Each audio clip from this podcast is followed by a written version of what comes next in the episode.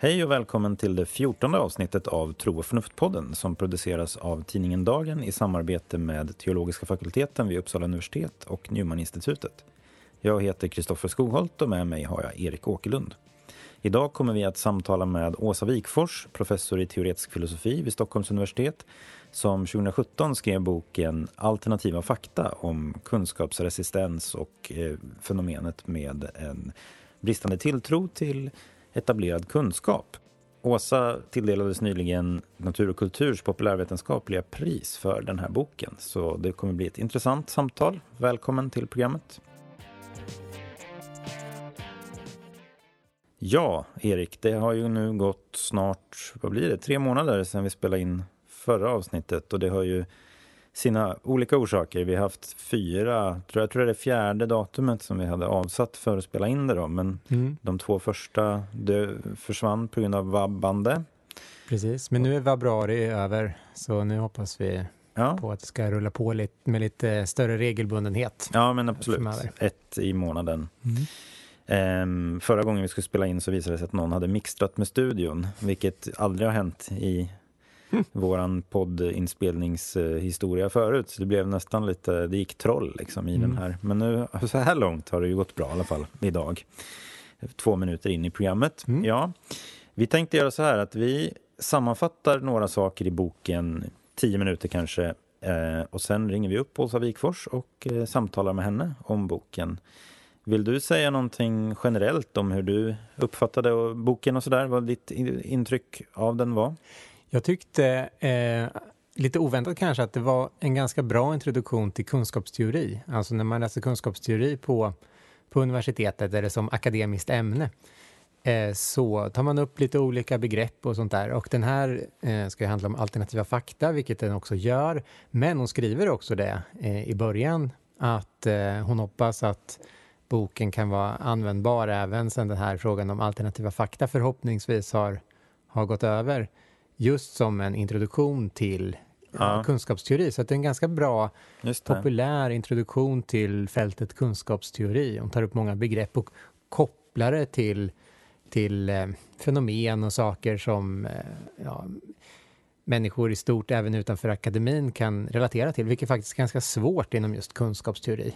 Det ja, alltså man kan ju det är en filosofisk säga... disciplin som lätt blir ganska insnöad på sina ah, egna okay. Du menar att den blir problem. lätt väldigt teknisk? Eller? Ja, precis. Mm. Och det är svårt att riktigt se, eh, se hur det här har med någonting eh, att göra mm. utanför, utanför kunskapsteorin. Och hon gör det på ett väldigt bra sätt tycker jag. Ja, man kan ju säga att boken har två dimensioner då. Å ena sidan så är det en slags samhällskritisk bok. Eh, och å andra sidan så blir det då, eftersom den vill på något sätt använda filosofins redskap i den här samhällsdiskussionen om hur vi förhåller oss till etablerad kunskap eller goda skäl och sådär. Så, mm. så är det ju också då, precis som du lyfter fram lite grann den här just presentationen av de filosofiska redskapen mm. som en oväntad styrka då med den. Att den är så pass så att säga då, filosofiskt användbar. Är det Precis. så jag tolkar dig? Ja, och att, och att, uh, den är så pass systematisk i att presentera det mm. fältet. Mm. Uh, På vilket sätt är det förvånande då? ja, alltså det är inte förvånande att den är, den är så att säga, stark rent filosofiskt. Nej. Hon är professor i teoretisk filosofi, så hon är genom reflekterar, men det är ganska svårt att presentera eh, kunskapsteori på ett eh, tillgängligt sätt. Eh, men hon, eh, hon gör det och det är klart att det finns områden inom inom det man kallar kunskapsteori som hon inte går in på och sånt där också. Men hon, hon eh, presenterar det på ett väldigt lättillgängligt eh, sätt och på ett ganska relativt och heltäckande sätt eller systematiskt sätt. Mm. Precis som du säger så är det lite två uppgifter och det bli, brukar alltid bli en sorts målkonflikt och ganska svårt när man ska skriva någonting som, där man har två olika syften men hon lyckas kombinera dem på ett, mm. på ett bra sätt. Dels det här samhällsanalyserande och dels det här introducerande i disciplinen kunskapsteori. Mm. Ja, nej, men det är sant. Och jag, jag måste nog eh, säga att om vi går in på den här liksom, samhällsanalyserande biten så tycker jag att hon gör det på ett väldigt uppfriskande sätt. I det att många som går in i den här samhällsdiskussionen kanske väljer en av två sidor. Det man kan säga att hon liksom klargör det är att många av de här diskussionerna eh, som så att säga eh, rör sig kring det här fenomenet som koncentrerat uttrycks i uttrycket alternativa mm. fakta. Det vill säga att man eh, har en relativiserande syn på etablerad vetenskaplig kunskap och så att säga väljer sin egen berättelse. Det följer vissa grupp, eh, grupp, en viss grupplogik. Så tillhör mm. jag den här gruppen, då betonar jag den här delen av mm. den etablerade kunskapen. Tillhör jag den här gruppen så betonar jag den där, men bortser från den andra. Mm. Och det som jag tycker är uppfriskande det är att hon faktiskt kan klargöra ibland att det är inte bara så att säga den andra sidan Nej. som gör fel, utan ibland så gör ja, vad kan man säga då, etablissemanget gör lite fel ibland också. Mm. Och det är ett fenomen som man kanske måste artikulera, tror jag. Hon har en självreflektion kring var hon kommer ifrån dessutom. Ja, det tillhör ju, att, eh, tillhör ju kunskapsprocessen att bli självmedveten om att jag är en, så att säga, en ja, kunskapande varelse. Och jo, sånt där. jo, precis. Att man använder den krit de kritiska redskapen, inte bara på de andra. Nej, precis. Mm. Mm. Precis. Men innan vi, innan vi ringer upp eh, Åsa, det finns mycket man skulle kunna ta upp här, så, så, så var det ett par, ja, man kan kalla det för filosofiska redskap då, som jag tyckte var eh, speciellt liksom, klargörande för diskussionen. Dels bara en väldigt enkel diskussion, eller distinktion när hon när hon så att säga, klargör då att fakta ska inte förstås som påståenden mm. eller faktapåståenden. Som jag tror att man till mans lite grann tänker sig att det är faktat. Så att säga. Utan ett faktapåstående det är liksom anspråket om hur någonting är. Och hur någonting är, det är faktat. Mm. Eh, och det är det som gör eh, faktapåståendet sant. Om det är ett sant Eller falskt. Precis, mm. precis. Så det, var, det, det kan vara användbart tror jag att ha med sig när man, när man sen lyssnar på samtalet med Åsa. Mm. Eh, den andra som jag tycker var eh, väldigt klargörande och som, som jag också har sett andra ta upp och sådär, det är ju hur hon reflekterar kring vad det betyder att kunskapen är socialt konstruerad. Mm. Och där kan man säga att hon skiljer å ena sidan på eh, vad det betyder att våran just kunskap, alltså våran teori om verkligheten är socialt konstruerad i betydelsen att den delvis är beroende av de språkliga redskap som finns i den kulturen där jag befinner mig. Och mm. det är, eh, ett språket är ett socialt fenomen, ingenting som jag själv har eh, åstadkommit och det är heller ingenting som bara har växt upp i marken, så att säga, utan mm. det är tillkommet genom en en samhällelig kulturell process. Då. Men det behöver inte betyda att det jag uttrycker med hjälp av de här, den här socialt konstruerade begreppen är socialt konstruerat. Det vill säga det kan finnas en objektiv verklighet som jag försöker att beskriva med mm. hjälp av begreppsliga redskap som är socialt konstruerade. Mm. Och det där skiljer man inte alltid på. Och då blir det, för det, alltså på ett sätt så är det nästan en truism att säga att vår kunskap är socialt konstruerad. Mm. Om man eh, med det menar att de begreppsliga redskap vi har eh, är någonting som kulturen, vi är beroende av en kultur för att få tillgång till. Sen så talar hon också om att vi kan forma nya begrepp och det är ju så, det är ju så språket utvecklas. Vi gör nya mm. insikter eller nya upptäckter och behöver begreppsliga redskap för att beskriva det. Mm. Och det blir ju ganska svårt att förklara så att säga den att det ändå finns en slags stimulans från den yttre verkligheten in till mm. eh, utvecklandet av nya begrepp. Men det är väl det mm. avgörande steget egentligen. Man är realist i den meningen att fak ett faktum är någonting annat än ett faktapåstående. Och vi kan prata om alternativa fakta påståenden, men vi kan inte prata om alternativa fakta. Ett faktum kan ju för sig vara, vara väldigt komplext och så vidare, men verkligheten är som den är och eh, huruvida det vi säger stämmer eller inte, huruvida det de facto är kunskap eller inte, bestäms inte bara av oss själva utan av någonting utanför oss själva. Och det gäller även när kunskapen då är socialt konstruerad i meningen att det kommer av begrepp som är socialt konstruerade eller att det är sanningsanspråk som på något sätt är något kollektivt eller som bär sig en kultur till exempel. Eh, så är det även där huruvida det stämmer eller inte bestäms av någonting som ligger så att säga utanför den kulturens eller den gruppens kontroll. Och det är väl egentligen det, det så att säga avgörande mm.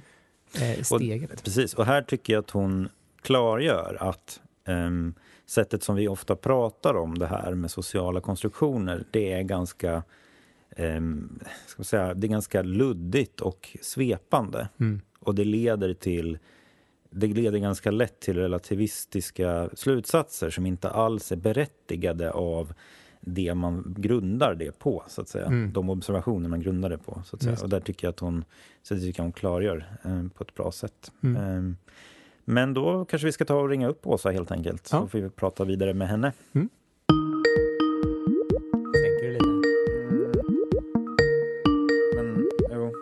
Hallå? Hej Åsa, det här var Kristoffer Skogholt. Wow! jag har lurat på mig. Jag tänkte det blir bättre ljud då. Varmt välkommen till podden Åsa. Tack så mycket. Du är ju professor som sagt sedan 2011, är det eller? Minns jag rätt? 2008 tror jag det var. 2008 mm. var det. Mm. Mm. Precis. Ehm, och ehm, du nämner i ditt sommarprogram lite grann vad du gör som filosof. Men du kanske kan berätta lite så här, vad, hur ser din vardag ut som professor i teoretisk filosofi? Ja, alltså hur den ser ut just idag är kanske inte särskilt typiskt för just idag håller jag ju på och reser runt och håller massa offentliga föreläsningar. Då. Ja. Eh, men det kanske inte just så, så såg det ju inte ut då tidigare. Utan, man, har ju, man har ju forskning då i sin tjänst så man forskar på olika projekt som man har och sen har man handledning, doktorander som man handleder och även undervisning och jag har ju då hand om kandidatkursare, det vill säga de skriver sina kandidatuppsatser och jag handleder mycket och har hand om det. Så det är en blandning av forskning och undervisning som är väldigt trevlig, väldigt behaglig tillvaro på många sätt även om eh, vi också har en del administration och sånt som inte är så himla kul. Nej, okej. Okay. Ja, men det låter som du inte är uppäten av det i alla fall. Nej, det är jag inte. Jag har, haft, jag har haft tur. Jag har fått ganska bra med forskningspengar så jag har kunnat ägna rätt mycket tid åt forskning. Men just nu som sagt så är det ju mycket populärvetenskap och då är det svårt att hålla alla bollar i luften. Ja. Men jag ska också, jag har precis startat, vi har ju fått pengar för ett stort forskningsprogram som jag ska leda om just kunskapsmotstånd. Eh, mm. Det är Riksbankens jubileumsfond. Så att, eh, och det är tvärvetenskapligt och eh, det kommer jag behöva lägga mycket tid på nu så jag ska försöka styra om till det och det är oerhört roligt att jobba med de här andra ämnena, psykologi och statsvetenskap och kommunikationsforskning också. Jaha, det alltså ingår statsvetare och ja. medievetare i projektet? Eller? Ja, det gör det. Ah, och psykologer okay. då. Oj. Eh, för att alla de här komponenterna måste finnas med om man ska kunna titta på just kunskapsmotstånd. Ja, just det. Um, vi sa tidigare här att den här boken Alternativa fakta, å ena sidan så kan man säga att den är en presentation liksom av kunskapsteoretiska begrepp och, och sådär, men det är också en samhällsanalys eh, och samhällskritisk bok. Och du fann ju ett pris här, Natur och kulturs populärvetenskapliga mm. pris förra veckan, så grattis till det. Hur Tack så hemskt mycket. Det var väldigt roligt att bli uppmärksammad på det sättet, det måste jag säga. Ja. Eh, och väldigt roligt att filosofin blir uppmärksammad på det sättet också, det tycker jag. För man kanske inte tänker på filosofi som populärvetenskap sådär. Men jag tror filosofin har en enormt viktig populärvetenskaplig roll att spela. Så att det var väldigt kul för det, av det skälet också. Mm. Skulle du säga att filosofin får en mer framträdande roll i offentligheten nu, just alltså sista åren? Eh, alltså i perioder har det ju haft det. Vi har ju en historia i Sverige med Hedenius och Hägerström och sådär. Så det har ju funnits perioder där filosofin har varit framträdande. Så det kommer och går lite grann. Just nu så är det ganska många filosofer ute i samhällsdebatten och det tycker jag är väldigt positivt då. Mm. Ja. Hur, hur såg din egen ingång till filosofin ut? Var det något speciellt som fick dig liksom att dras till filosofin? Eh, alltså, jag brukar berätta den här historien, för jag började ju med att läsa litteraturvetenskap på universitetet i Göteborg då. Eh, och eh, jag gillar ju att läsa romaner liksom, så det var mm. inte så konstigt. Men jag blev väldigt fascinerad av de här liksom, texttolkningsfrågorna som dök upp ganska snabbt. Då, att, att man ska tolka en text. Då. Men vad är, liksom, finns det rätt och fel när man tolkar text? Eller vad handlar det om? Är det bara helt upp till en själv? Eller finns det några, liksom, vad är det man håller på med egentligen? Och det ställer ju frågor om liksom, textens innehåll och hur förhåller det sig till författarens avsikter och alla de där sakerna. Mm. Och jag, jag fastnade för det och kom ihåg att jag vill gärna prata mycket om det på lektionerna med, där men då tyckte ju ofta lärarna då att ah, men det där är nog mer en filosofisk fråga. Det här var innan postmodernismen blev stor då på de litteraturvetenskapliga institutionerna och det blev väldigt mycket filosofi där. Mm. Men då tänkte jag att men okej, jag är intresserad av de här språkfrågorna, då ska jag nog läsa filosofi istället. Eh, så då började jag läsa just teoretisk filosofi där jag visste att språkfilosofi ingick då. Ah, just det. Mm. Ja, vad intressant. Jag kan faktiskt relatera lite till mig själv. Det första jag läste på universitetet var mediekommunikationsvetenskap och då minns jag att jag blev irriterad på att man inte fick möjlighet att diskutera de här filosofiska premisserna som många av teorierna utgick ifrån. Och då blev det, det blev så orättvist tyckte jag, för att om man inte problematiserade dem, då bedrev man medie och kommunikationsvetenskap. Men om man, men om man problematiserade dem, då bedrev man filosofi. Just det, och det där är ju ett väldigt bra exempel för att det är liksom det tror jag för mig och för många som fastnar i filosofin så är ju lockelsen just den att man får lov att ställa de där ytterligare frågorna mm. som man liksom inom andra discipliner inte riktigt har tid och möjlighet att ställa då. Nej. Till exempel om kunskapens natur och sådär. Ja. Eh, och det är liksom, man måste ju ha en arbetsfördelning, man kan inte liksom forska i kemi och också fråga sig vad är sanning liksom, det går inte. Eh, men för om man är driven åt det där hållet, att man verkligen vill gå ett steg vidare och ställa de där grundläggande frågorna så är ju filosofin eh, väldigt lockande. Mm.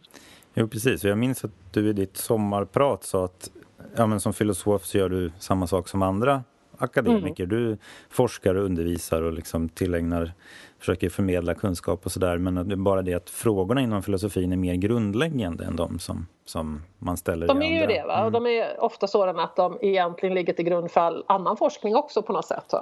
Mm. Uh, och därför är de ofta lite svåra att lösa uh, och det får man leva med liksom. Uh, men mm. exakt. Mm. Ja, spännande. Men då tänker vi att vi gärna vill gå över till, till boken lite grann. Och du, vill du säga någonting kort om vad som fick dig att skriva boken? Jag tänker mig att du hade kanske inte oceaner av tid över utan det var ju någon, det var ju liksom, hur såg din, att du ändå avsatte tiden för att skriva den här boken? Ja, ja men det är som jag också brukar säga att det, det hade ju inte skett det hade nog inte skett om inte Trump hade blivit vald. Jag tror inte det, för jag blev så upprörd över det här. Jag blev så upprörd över liksom, för det första var det ju de medvetna lögnerna och hans fullkomliga eh, ointresse för kunskap. Han bryr sig inte om, han tillsätter ju människor som inte kan någonting i det området som de ska styra då i hans administration och sådär. Och, och också var det ju första gången man riktigt fick höra talas om fejkade nyheter och sådär under hösten. Man liksom förstod vidden av vad som höll på att hända. Eh, så att jag blev arg och kände nej fy sjutton och sen när de då gick ut och började prata om alternativa fakta så tänkte jag nej nu får det vara slut. Mm, mm. så att det var det. Eh, nej jag hade nog inte gjort det egentligen den våren skulle jag ha skrivit en annan bok som jag har lovat eh, att skriva, en akademisk bok. Okay. Mm. Men det blev ju inte av då. Nej, nej. Men det var en att, slags ilska Det är sådana pris då. man får betala då. Men jag skrev väldigt snabbt, jag skrev under våren för att jag, ville, jag kände att det här var aktuellt och angeläget och jag ville få det ur mig på något sätt. Uh-huh. Sen kom det ju inte från ingenstans därför att ett par år tidigare så hade jag varit ute och pratat om betydelsen av kunskap och särskilt det här med betydelsen av kunskap i skolan och vilken problematisk kunskapssyn man hade där och så. Så att det där fanns liksom med i bakgrunden ändå. Mm. Eh, men det här ställde allting på sin spets och gjorde att eh, jag, jag bestämde mig för att ge upp min forskningstid i viss mån för att skriva det här. Ja, just det. Det finns ju, jag tänkte ställa en fråga som, som har att göra med liksom, vad är filosofins roll här? För du skriver i inledningen på boken att de här, den här, de här problemen som vi står inför, eller vår utmaning, är inte i grunden filosofisk. Samtidigt så um, resonerar du ganska mycket i boken och inte minst när du har det här eh, kapitlet när du diskuterar pedagogiken och den konstruktivistiska kunskapssynen Mm. Eh, och också din kritik av ja, men det man brukar kalla för postmoderna sanningsteorier och sådär. Så, så finns det väldigt mycket filosofi där som du diskuterar och kritiserar och sådär. Så jag är lite intresserad av, håller du så att säga med dig själv om att det inte är en filosofisk utmaning? Eh. Uh, alltså, Ja, det är inte en filosofisk utmaning. Jag tror att det ytterst så är det en utmaning som har mycket med vår psykologi att göra, hur den samverkar med den nya tekniken. Då. Men jag tror att filosofin kan vara till nytta på olika sätt. Den kan också vara så att eh, filosofiska påståenden som geggar till det, alltså falska teorier om till exempel sanning och sådär kan, kan användas för att, som någon har sagt, att lägga dimridåer eller rökridåer då för kunskapens fiender. Eh, och man har ju sett till exempel hur vissa högerextrema använt sig av en viss typ av postmodern liksom, eh, jargong då för att säga ja, men det är väl bara olika perspektiv, det här är ett annat perspektiv och lite sånt. Då, va? Så att det finns liksom, man, man har ett större skydd eh, mot sådant om man har ett bättre grepp om vad kunskap är och hur man ska tänka runt kunskap. Eh, så jag tror att en liksom lite grundskydd som man får av lite grundläggande kunskap om kunskap så att säga, det, det, det tror jag är viktigt i sammanhanget. Eh, men sedan är det ju också så naturligtvis att filosofin är ju bra på att träna det kritiska tänkandet. Då, va? Så att där har ju filosofin också en, en, en viktig roll att, spela. Eh, jag kommer att tänka på hur man ibland brukar formulera liksom det här när retoriken växer fram i, i Grekland. Att det, det sker vissa förändringar som gör eh, lite demokratiserande natur som gör att argumentationen blir mer central och retoriken blir liksom, är ju både så att säga, ett sätt att försöka eh, utbilda människor i hur man argumenterar väl. In, inte bara övertygande men också, utan också väl. Men det är också ett, mm. ett, ett slags redskap i att analysera och förhålla sig till andras eh, tal. Så att jag tänker mm. mig att det framstår för mig som att din syn på vad filosofin kan bidra med här är liksom lite analog med den läsningen av retorikens roll. Det vill säga retoriken är inte bara då ett medel för att övertyga utan också ett medel för att kritiskt förhålla sig till, till um, tal men också utbildas i att argumentera väl. Visst, om det är det man menar med retorik. Ofta menar man ju det andra just. Va? Mm. Det gäller, det handlar om att övertyga. Man kan använda där, liksom, vissa metoder för att övertyga folk och anspela på känslor och annat. Då, ja, det. Eh, det. är ju inte alls det. Utan, men om det handlar om att titta liksom, på den goda argumentationen och den goda debatten och sådär. Eh, som är saklig och välgrundad och allt det där. Eh, visst, då finns det den lik likheten. Det gör det. Mm. Om man håller sig kvar med, vid retoriken så, så tänkte jag när jag läste boken att i en mening så är det så att det verkar som att vårt samtal, alltså vårt offentliga samtal, i vårt offentliga samtal så har det man kallar för etosargument blivit mer mm. viktiga än sakliga argument, så att säga. Mm. Det är liksom personens karaktär som... Och då är det då kanske lite obegripligt för dem som, eller för oss som inte är så, så attraherade av Trump att det trots allt är just hans etos som nog tilltalar ganska många. Det tycker jag är lite fascinerande. Ja, det är ju lite fascinerande. Det, det är ju liksom, vi människor är ju väldigt, vi är ju väldigt känslodrivna. Och är det någon som är skicklig på att manipulera våra känslor så är vi väldigt sårbara för det. Det är ju ingen tvekan om det. Det handlar inte om att man är korkad eller så utan det är att man är man, man, man, är sårbar där. Man, man går igång på det som är en känsloladdad berättelse där man kan känna att man kan på något vis identifiera sig eller på något vis dras med av det här. Va? Så att, eh, den typen av demagoger dyker ju upp med jämna mellanrum och varje gång de gör det så är vi sårbara för dem. Mm. Eh, Medan det där väldigt sakliga och artikulerade och tydliga och välgrundade det är kanske inte det vi reagerar lika starkt på då. Eh, det är ju det är ju helt enkelt en, eh, det är en egenskap hos vår psykologi va, som, är, mm. som gör att de kan lyckas, den här typen av människor. Mm. Innan jag lämnar över ordet till Erik eh, så ska jag ställa... Bara, jag kommer att tänka på att det var ju en utfrågning av, av Trumps för detta advokat Michael Cohen mm. förra veckan. Och det var ju så att säga ett tal som... Eller han, hans framträdande var ju ganska emotionellt. Um, mm. Och jag funderar lite grann på om det så att säga skulle kunna bita lite grann på Trump-anhängarna. Att han framstår ju då som en sån här person som pratar från sin mage nu när han liksom har, har, har gjort det här um, valet att hoppa av så att säga. Det, men det, men det är möjligt. Jag tror i alla fall att det biter bättre än om du tänker en väldigt, så, en väldigt akademisk, eh, så, typisk eh, liberal eh, elitperson som skulle gå in och berätta hur Trump har ljugit och, och så vidare. Det tror jag skulle vara svårare. Va? För mm. Cohen han framstår ju som faktiskt väldigt eh, känslomässigt övertygande och eh, tydlig utan att vara akademisk på något sätt. Va? Så att eh, det är möjligt men samtidigt får man ju komma ihåg och det är det som är problemet med den här väldigt polariserade situationen som man har i USA nu. Att det, vad man än säger om den andra sidan så att säga så, så, har, så, finns det en konspirationsteori. Det finns en konspirationsteori om Robert Mueller då som, är, som utreder Trump va? och även om Cohen säkert att ah, han har bestämt sig för att samarbeta med den här andra sidan nu därför att han vill slippa fängelse eller han vill tjäna pengar eller någonting. Va? Mm. Så att då spelar det nästan ingen roll vad han säger eller hur han säger det för det finns den där teorin som på något vis underminerar hela vittnesmålet i alla fall. Ja, nej precis. Det finns någonting tillgängligt som tillåter folk att bortse från det så att säga. Mm. Ja, som till och med gör det rationellt att bortse från det. Mm. Det är ju det som är så otäckt med, med den typen av underminerande konspirationsteorier då.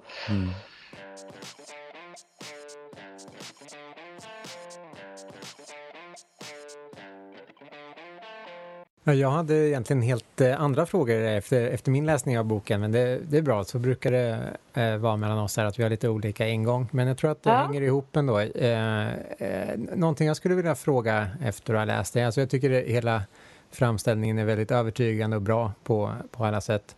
Eh, det jag däremot funderar på, alltså jag håller med om det här med sanningsanspråk och vissa ideal man har när man ska till exempel kolla fakta. Du har det här exemplet med, finns det öl i kylen? Ja, då har man ett tillvägagångssätt för att kolla upp det. Och huruvida det finns eller inte har inte bara att göra med vår uppfattning om det, utan det finns faktiskt ett sakförhållande där ute som, som vi kan ta reda på.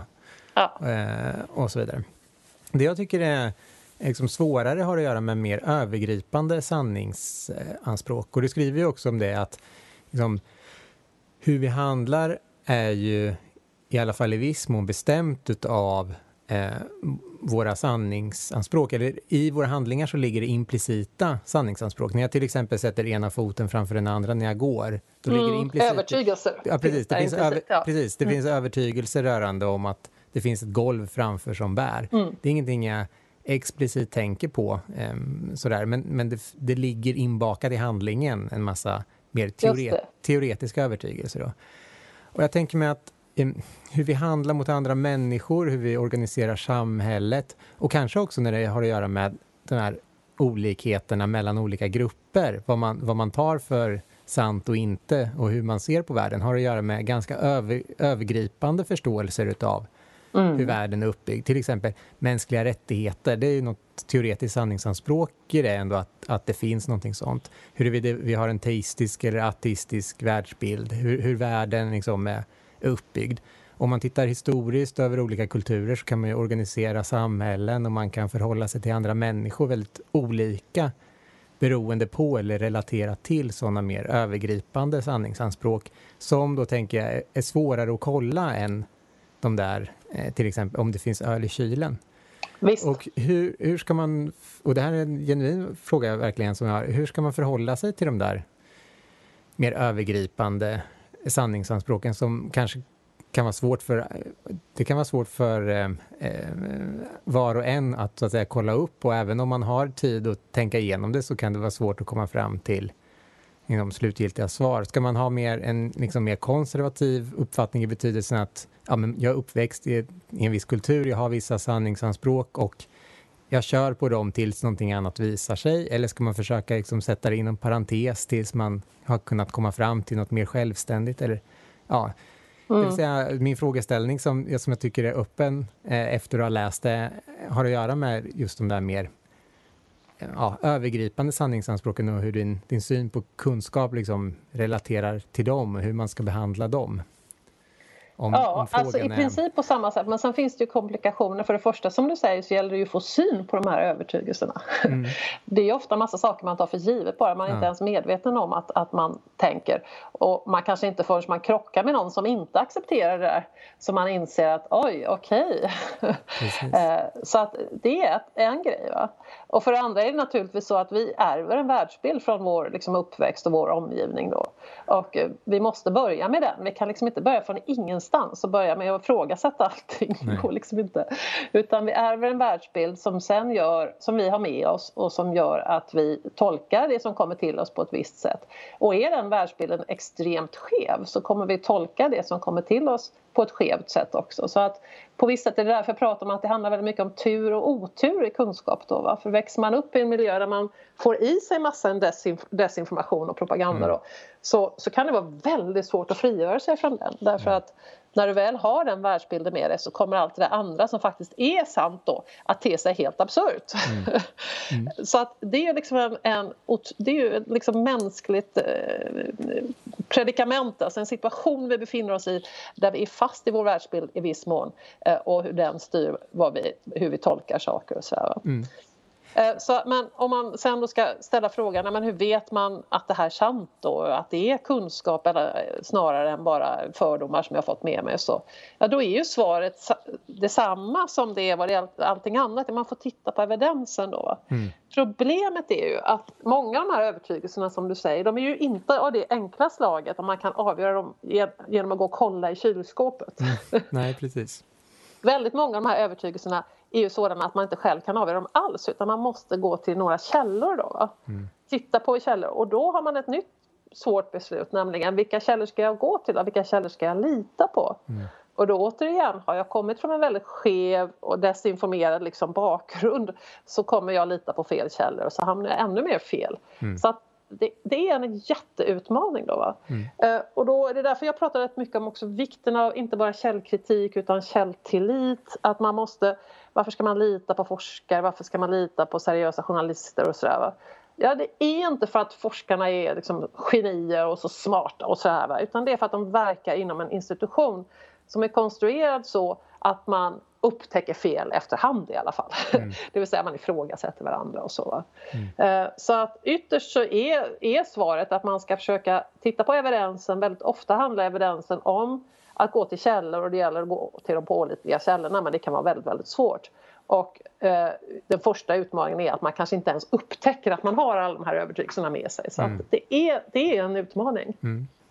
Ja, jätteintressant. Jag, jag, tänker, jag är väldigt eh, liksom, eh, sympatiskt inställd till som sagt så, my så mycket du skriver och eh, även kritiken av den här konstruktivistiska kunskapssynen och postmodernism i stort. Men här tycker jag för min egen del att det ändå finns någonting kanske lite mer i postmodernism eller i en sorts kritisk reflektion av modernismen då som ändå är en sorts insikt man kan ta med sig att de har ju ändå tänkt på det här att man utgår från någonting. Sen behöver man inte ledas in då i kunskapsrelativism bara för att inse att okej, okay, jag, står i en, jag står i ett sammanhang, jag finns i en viss tid, på en viss plats och så vidare.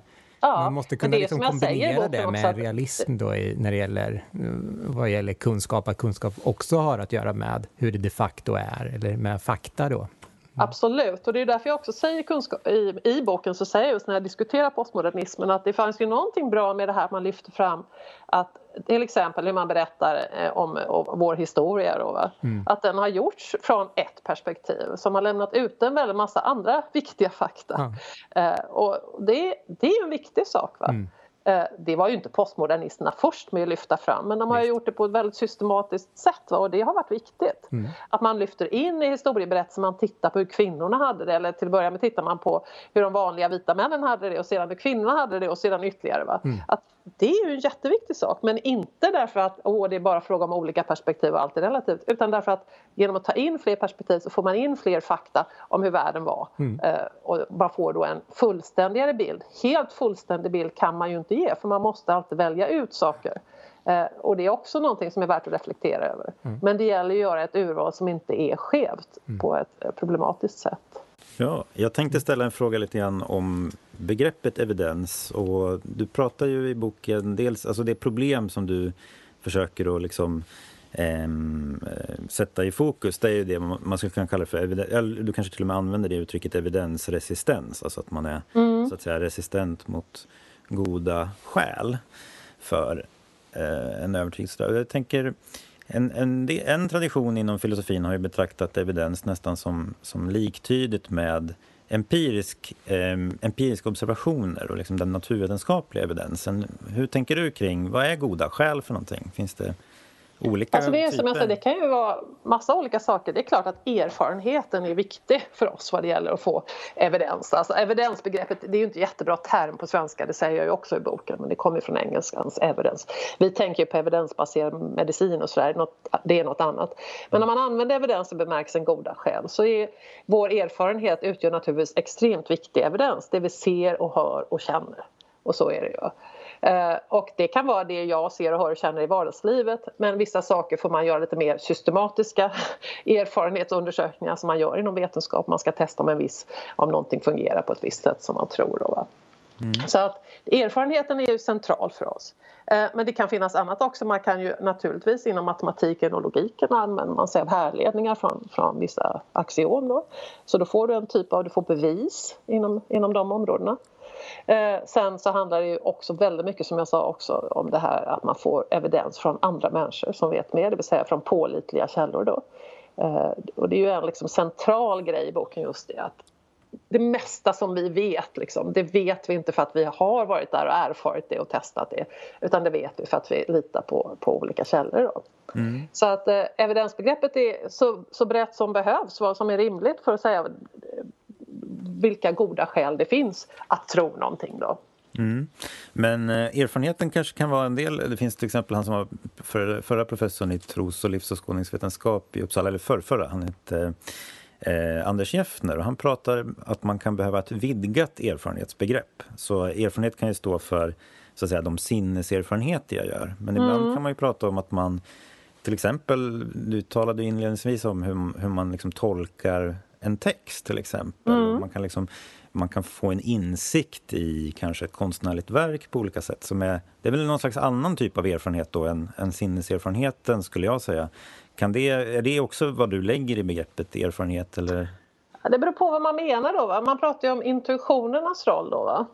Eh, till exempel. Och, eh, intuitioner spelar ju roll inom filosofi och matematik och logik också för den delen. Så att eh, där är någon slags insikt i vissa samband som råder till exempel inom matematiken. Då. Eh, men eh, vad det gäller intuitioner i största allmänhet så vet man att de är, det har man ju gjort mycket experiment på, att de är väldigt opålitliga då. Eh, det finns situationer där man kan lita på intuitioner och det är eh, när någon är en expert på någonting och har ägnat sig väldigt mycket åt någonting, typ en läkare. Då tenderar deras intuition att vara ganska pålitliga då. Men det är ju mot bakgrund av den här expertisen som deras, eh, deras omdömeskapacitet så att säga, har tränats upp till att kunna ge de här väldigt snabba intuitiva omdömena. Då. Men rent generellt så är våra intuitioner väldigt opålitliga. Då. Men du... Eh, mm. Så om det gäller texttolkning till exempel, om jag är väldigt otränad på att tolka texter så kanske inte mina intuitioner är så jättebra i det sammanhanget heller. Då. Eh, så det beror lite på kontexten då. Men det är någonting man skulle kunna odla i någon bemärkelse i alla fall? Texter som att du menar? Ja, det tror jag. Man kan, jag tror att som sagt, när man blir väldigt skicklig på någonting, när man har stor expertis, då blir också intuitionerna pålitliga, det vet man. Mm. Eh, du pratade lite grann om moralisk kunskap och hur man eventuellt kan uppnå det. Eh, mm. Och att det finns en slags jämvikt mellan intuitioner och eh, annan typ av kunskap och sådär. Det är ju ett bra exempel också där man, de flesta moralfilosofer som tror på moralisk kunskap de anser ju ändå att moraliska intuitioner ger någon slags evidens här då. Kanske inte den slutgiltiga evidensen för kanske är det just så att man måste väga, man har en moralisk intuition om att det är fel att att eh, eh, skada någon eh, för, utan goda skäl, jag på säga. Det är fel att eh, åsamka skada hos andra människor utan för, för att man ska kunna uppnå något större gott eller någon sån intuition. Eh, man måste ju väga det mot eh, andra antaganden man har, teoretiska antaganden man har om moralen också. Och så försöker man väga sina intuitioner mot de andra sakerna man tror och så hittar man det här reflektiva ekvilibriet då där man känner att här, här kan jag vila ganska trygg i att det här finns goda skäl att tro. Då. Mm. Eh, så jag tror att moral, om man tror på moralisk kunskap, och det är något som jag inte tar ställning till i boken då, för det är en stor och omtvistad fråga. Men om man tror på det så måste moraliska intuitioner spela en roll, även om det kanske inte kommer vara helt avgörande roll. En, inte en slutgiltig roll så att säga? Nej, för vi kan nog ha, en del av våra moraliska intuitioner kan ju faktiskt bara vara fördomar. Det Just tror det. jag eh, de ofta är. Men precis, och anledningen till att jag borrar lite i, de, i den här frågan det har att göra med att jag tänker mig att det kanske är ett område som eh, kanske också då kännetecknar filosofi i, lite, i många fler områden. Alltså att det finns så att säga en kategori mellan det som vi kan avgöra, det vill säga det vi kan, ja men, om vi tar använder öl i kylen-exemplet, och det vi inte har någon kunskap om alls. Alltså vi rör oss i det här området där vi måste reflektera och brottas och där har vi skäl men inte slutgiltiga skäl så att säga. Och det tycker jag då eventuellt moralen är ett sådant exempel där det inte är det inte godtyckligt. Det vi, går, vi, vi, vi försöker röra oss framåt men vi har liksom inte full grepp om det, om det här mm. området så att säga. Nu har vi nästan aldrig slutgiltiga skäl. Det kan ju vara så, även om du står där och stirrar på ölen så kan det ju vara något konstigt som pågår. Ja, så, så är det ju. Men visst, man ska ju, det brukar jag säga, liksom, man som ute som forskare till exempel, så är en viktig uppgift att visa, liksom, trycka på skillnaden mellan det här har vi extremt starka skäl att tro. bevis finns sällan, men extremt starka skäl. Till exempel att koldioxidutsläpp orsakar global uppvärmning. Då. Mm. Och sen finns det en annan hög där vi faktiskt inte vet riktigt. En, en del tycker si, en del tycker, tycker så. Forskningen är oh, eh, inte färdig och, och, då bör man inte ha någon bestämd åsikt alls. Och sen finns det hela det där mellanläget här va? där man, där man har ganska goda skäl men man är inte helt säker. Vad ska man göra då? Och så där? Det måste vi leva med, den här osäkerheten. Den finns med. Mm. Uh, och kanske då moral om det finns moralisk kunskap så kanske den ligger ganska långt ut åt det här hållet där vi inte kan vara säkra. Men är det, är det då bara en kvantitativ fråga om hur pass mycket evidens vi har eller finns det en principiell skillnad mellan olika typer av frågor där man så att säga, måste anpassa sina krav efter det området? Så jag, till exempel har inte, Aristoteles säger väl det någonstans att man kan inte ha samma krav på moralisk kunskap som samma krav på säkerhet i moralisk kunskap som i geometri till exempel. Så man liksom gör, anpassar sig ja, efter olika alltså, dimensioner. Ja, man har ju inte bevis utanför logiken och matematiken. Då, va? Så den skillnaden finns. När det gäller empirisk kunskap och övrig kunskap så, som kanske också moralen hör dit så, så kan kanske ge så helt enkelt att vi får leva, vi får leva med osäkerhet. Vad jag tror och det som filosofer diskuterar är lite kontextberoende är ju en annan sak, nämligen risktaganden. Då, va? Hur pass viktigt är det för dig att det här är sant? Eh, om du ska gå över en bro som det är tveksamt om den är, håller eller inte. Då är, det, då är det rätt viktigt, då gissar du inte bara. Så att, hur pass viktigt är det för dig? Då kanske du höjer evidenskraven lite om, om, om de negativa konsekvenserna kan bli väldigt stora. Eh, så det kan finnas ett kontextberoende där. Mm, just det. Ehm, och eh, en, en, en sista fråga då som, som har med de här frågan om, om moralens natur där. Du, du har ju en ganska bra liksom, distinktion, eller, eller du gör det ganska tydligt och säger att alla seriösa sanningsteorier gör en distinktion mellan vår övertygelse och eh, sanningen, så att säga. Mm. Ehm, och eh, sen i, i slutet av boken pratar du om om liksom den praktiska rationaliteten där känslorna har en viktig roll. Och sådär. Mm. Och jag, blev, då blev, jag var intresserad av om du anser att det finns så att säga, normativa fakta. Finns det en distinktion mellan vad jag känner är sant och rätt och vad som är alltså, moraliskt sant, moraliskt rätt och vad som så att säga, finns det någonting eh, finns det normativa fakta skulle man kunna sammanfatta frågan i? Ja, alltså just om du pratar moraliska fakta, det är ju just den frågan jag inte tar ställning till i boken då. Det är ju där Exakt. om det finns moralisk kunskap eller inte då. Eh, personligen så lutar jag åt det hållet, ja. Mm. Jag är inte moralisk relativist. Eh, men jag vet ju många av mina kollegor som skulle säga nej. Så det är ju en omdebatterad fråga. Mm, precis. Ja, eh, bra, då har vi fått prata lite om det eh, som jag tycker låg så att säga, för det finns ändå en moralisk kritik i boken tycker jag. Den är någonstans ändå motiverad av en moralisk en moraliskt... Eh, ja, mm. det kanske det gör. Den är inte explicit, men vad jag kräver, eller vad jag kanske lutar åt då är att vi har ett ansvar att, att ta reda på hur saker är. att ta det lugnt och läsa ja. på och, och ja, vara kritiska. Ja. Visst. Mm. Du, du, en, en, en fråga som också väcktes, det var lite grann hur, hur, som jag inte kan se att du riktigt tar ställning till, men du artikulerar den tematiken. Det handlar om, är kunskap ett egenvärde eller bara ett instrumentellt värde? Mm. Um, det skulle vara intressant att höra dig reflektera lite mer kring det. Ja, det är en intressant fråga. Jag, filosofer hävdar ibland att det är ett egenvärde men jag har väldigt svårt att se det.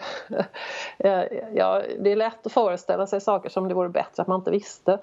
Um, och eh, jag tror att eh, däremot så tror jag då att kunskapen har ett extremt stort instrumentellt värde, det vill säga för att uppnå våra mål så behöver vi väldigt ofta kunskap, annars hamnar vi fel. Om vi ska bygga en bro som håller eller om vi ska bota sjukdomar och så vidare. Eh, så jag lutar nog mot att säga att det inte har ett egenvärde. Det betyder inte att jag hävdar att man inte kan, som forskare till exempel, är man ju väldigt driven av, man vill bara ta reda på hur det är. Det är ju liksom den drift man har som forskare av att ta reda på sanningen. Ja, just det. Eh, eh, så att där, där finns ju ett väldigt stort fokus på det. Eh, därför att man är, man är så intresserad och man vill lösa problem och sådär. Det är ju en sak att man, att man jobbar som, som forskare. Men om forskning och kunskap som vi fick, får fram inte hade någon som helst betydelse för mänskligheten då tror jag att det skulle vara svårt att vara så driven på det sättet. Så ytterst där också finns ett instrumentellt värde i bakgrunden. Ja, Okej, okay, intressant. Jag funderade liksom lite grann på om, om inte den här problematiken kanske skulle kunna ha någonting att göra med att man har en instrumentell syn på kunskap fast det kanske kräver också att man har så att säga, frikopplat kunskap och sanning lite grann. För om man frikopplar kunskap och sanning och gör kunskap så att säga, då enbart till ett slags psykologiskt fenomen om vad jag har för övertygelse och det inte finns så att säga någon, något egenvärde i att jag har en sann övertygelse då, blir, då tycks det som att då får jag ganska lätt att motivera varför jag liksom plockar mina egna teorier och tycker att det här känns skönt att tycka så då tycker jag det och sådär. Så då, då har man ett, men det frågan är om man har en instrumentell syn på sanning då, då har man snarare en instrumentell syn på kunskap kanske eller på övertygelser. Så att säga, på övertygelse skulle jag tro i det fallet. Alltså, mm. Alltså, jag pratar inte om det utan jag pratar om kunskapens värde just mm. Precis. Sen kan man ju välja att inte, man kan ju tycka att eh, det är roligare att inte veta saker. Det kan man ju välja om man vill. Och det är, typ, Trump han bryr sig inte om kunskap men problemet är att det går ju inte så bra för honom heller just av det skälet. Va? Det, det exempel jag har i boken är ju det här med eh, Obamacare som jag kallar det för, alltså den här eh, sjukvårdsförsäkringen som han sa att han skulle ersätta direkt med mycket bit, bättre och mycket billigare och sådär va. Det gick ju inte. Nej. För han hade inte kunskap alls om, om hur Obamacare fungerar och hur, hur, komplicerat det är att göra en sån här allmän sjukvårdsförsäkring i USA. Då. Mm. Så att man kan ju säga att man struntar i kunskap men då lyckas man inte heller uppnå sina mål. Nej, nej precis.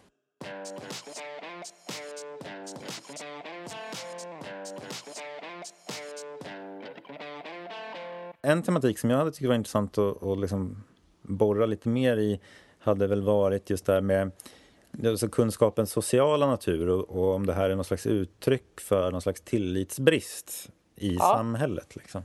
Det är en väldigt bra fråga. Jag brukar säga just nu, för jag, när frågor kommer om vad är det största hotet mot kunskapen så säger jag just nu så är det bristen på tillit. Mm. Just det. Mm. det tror jag är helt centralt. Mm. Och vad beror det på, liksom, att det har blivit ett sånt? Det är ju väldigt komplicerad politisk fråga nästan här på säga, eller samhälls... Eh, men alltså, ja, dels beror det ju på att ja, Kanske att eh, viss journalistik till exempel inte har gjorts på ett sätt som det skulle göras men främst tror jag att det beror på att populister har väldigt hårt drivit att vi inte ska tro på etablerade medier och vi ska inte tro på forskare. Det finns väldigt medveten politisk agenda att underminera tilltron då. Eh, man kan ju se i Sverige så har ju tilltron över eh, de senaste 30-40 åren ligger ganska konstant. Men det här ser man från SOM-undersökningar. Vad man också kan se är att eh, den, till, den misstro som alltid har funnits här den har partipolariserats nu och den hör till ett parti. Ja. Så att det, det är lite intressant också hur ja. tilltron eller misstron polariseras. Just det. Just det. Nej, det var ju många... Alltså jag, du tar ju upp det här bland annat om diskussionen när Trump hade den här uh, uttalandet om Sverige. Och, ja. och eh, Alltså det, jag uppskattar att du liksom också problematiserade lite grann svaret um, på, på, på Trump, så att säga. Um... Precis, det är ju helt centralt. För om man, om man svarar med att vara ensidig eller skev själv då, är det ju liksom, då blir det bara, spär man bara på polarisering och misstro. Mm. Det är extremt mm. farligt. Och, och, lite grann får jag känslan av att en del tänker sig att lösningen på en felaktig åsikt det är att ropa den rätta åsikten lite högre. Men ja. det du egentligen visar är ju att lösningen är egentligen att, åter, att upprätta tänkandet, tänker jag. Ja, och samtalet. Ja, det demokratiska ja, samtalet ja. där man inte bara försöker hitta två extrema polariserade positioner alla skriker från sina perspektiv utan när man försöker verkligen titta på vad är, liksom, vad är det som pågår egentligen. Och så mm. Det, det vill jag återupprätta. Ja. Vi tror att vi kanske har lyckats ta slut på tiden. Det, det gick väldigt fort i en bemärkelse. um, vi säger stort tack för att du ville vara med i podden och vi vill tacka för en väldigt bra och folkbildande bok. Um, Tack så mycket. Ja. Och sen så tänkte jag bara nämna att um, det, du kommer ju till... Den här podden hör ihop med en föreläsningsserie som, som teologen i Uppsala och Newman-institutet arrangerar tillsammans. Och eh, den 14 oktober i höst så kommer ju du och eh, filosofen Jonna Bornemark och eh, filosofen Ulf Jonsson att samtala om näraliggande frågor om kunskapens natur och relationen mellan subjektivitet och objektivitet och sådär. Mm. Mm. I Uppsala. Då. Det ska bli roligt. Ja, ja. det ser mm. jag också väldigt mycket fram emot. Men eh, stort tack för att du ville vara med i podden. Mm, och tack. Eh, ja, tack så mycket. Ja, tack så hemskt mycket. Tack, tack. Hej. Hej.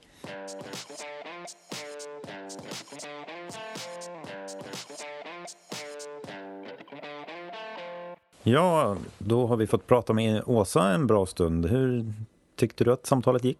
Jag tyckte verkligen bekräftade den här eh, bilden när man förstår mer, just att hon kommer från ett väldigt samhällsintresserat perspektiv och ställer mycket kunskapsteoretiska frågor utifrån det och har den här förmågan. Hon själv kanske inte ens är medveten för det är så naturligt om det, men det, det är ändå ganska ovanligt att bland filosofer att kunna spänna över så pass stora, stora fält eh, som hon gör. Och jag tycker hon eh, har väldigt klara och bra svar. Man märker att hon har tänkt igenom också rörande det här med eh, de mer övergripande sanningsanspråken och sånt där eh, som kanske många filosofer kan ha lite svårare för, tyckte jag. Man märkte verkligen att hon har reflekterat eh, både vitt och brett och högt och lågt. Mm. Mm. Ehm, det var intressant att höra, mm. höra henne. Och, och själv?